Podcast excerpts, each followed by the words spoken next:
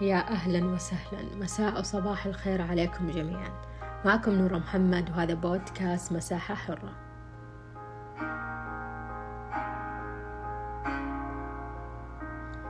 أتساءل دائما هل الجميع يشعر بالامتنان أو ما تعريف الامتنان بالنسبة لك؟ في البداية خلوني أحدثكم عن معنى الامتنان من المنظور العلمي. هو ليس مجرد فعل هو شعور بعاطفة إيجابية تؤثر في الحالة النفسية. ولما نجي للمعجم العربي هو شكر وفضل وعرفان. طبعا هناك تعريفات كثيرة لهذا المفهوم وكل شخص يملك فلسفة شخصية يعرف ويعبر عنها. بنظري هو مشاعر وإحساس روحي وتقدير لكل شيء موجود عندك. ممكن أقولها بكلمة واحدة هو لذة. أشوف أن استشعار الامتنان في لذة لأن في سلام داخلي وقناعة ورضا وطمأنينة كنت أبحث عنهم دائما. فسبحان الله هذا الشعور ساعدني ساعدني كثير. مرات أحس وأقول يا الله حياتي كاملة وأنا في زحام من النعم. طبعا هذا لا يعني أن ما عندي مشاكل أو هموم أو أمر بظروف لا. ولكن استشعار النعم موجود استشعرت بكل شيء حولي من أشخاص وجمادات.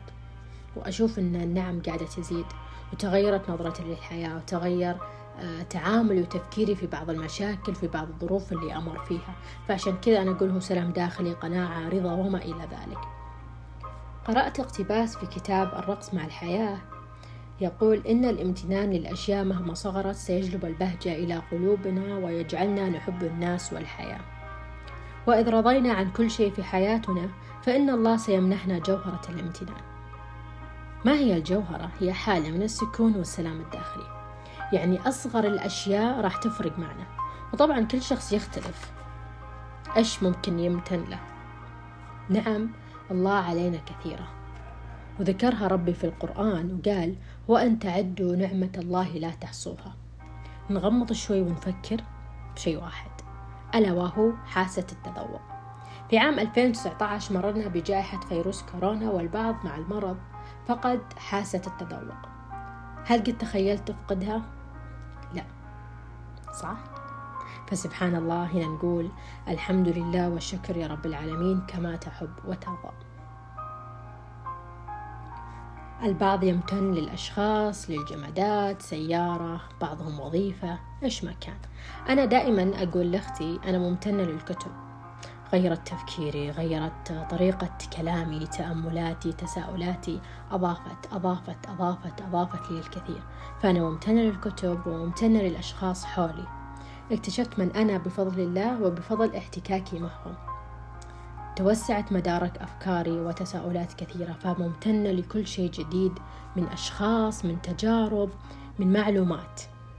إحدى صديقاتي كانت تقول لي نورة قد فكرت بيوم بالأشخاص المبادرين في ال social media فنظرت كذا باستغراب مبادرين من أي ناحية؟ كانت تقول اللي يعلمون البرامج الجديدة الكتب طريقة التعلم طبخة أزياء نسوي مكياج. فقعدت كذا أفكر فيها فعلا ما حد طلب منهم هذه مبادرة خاصة منهم.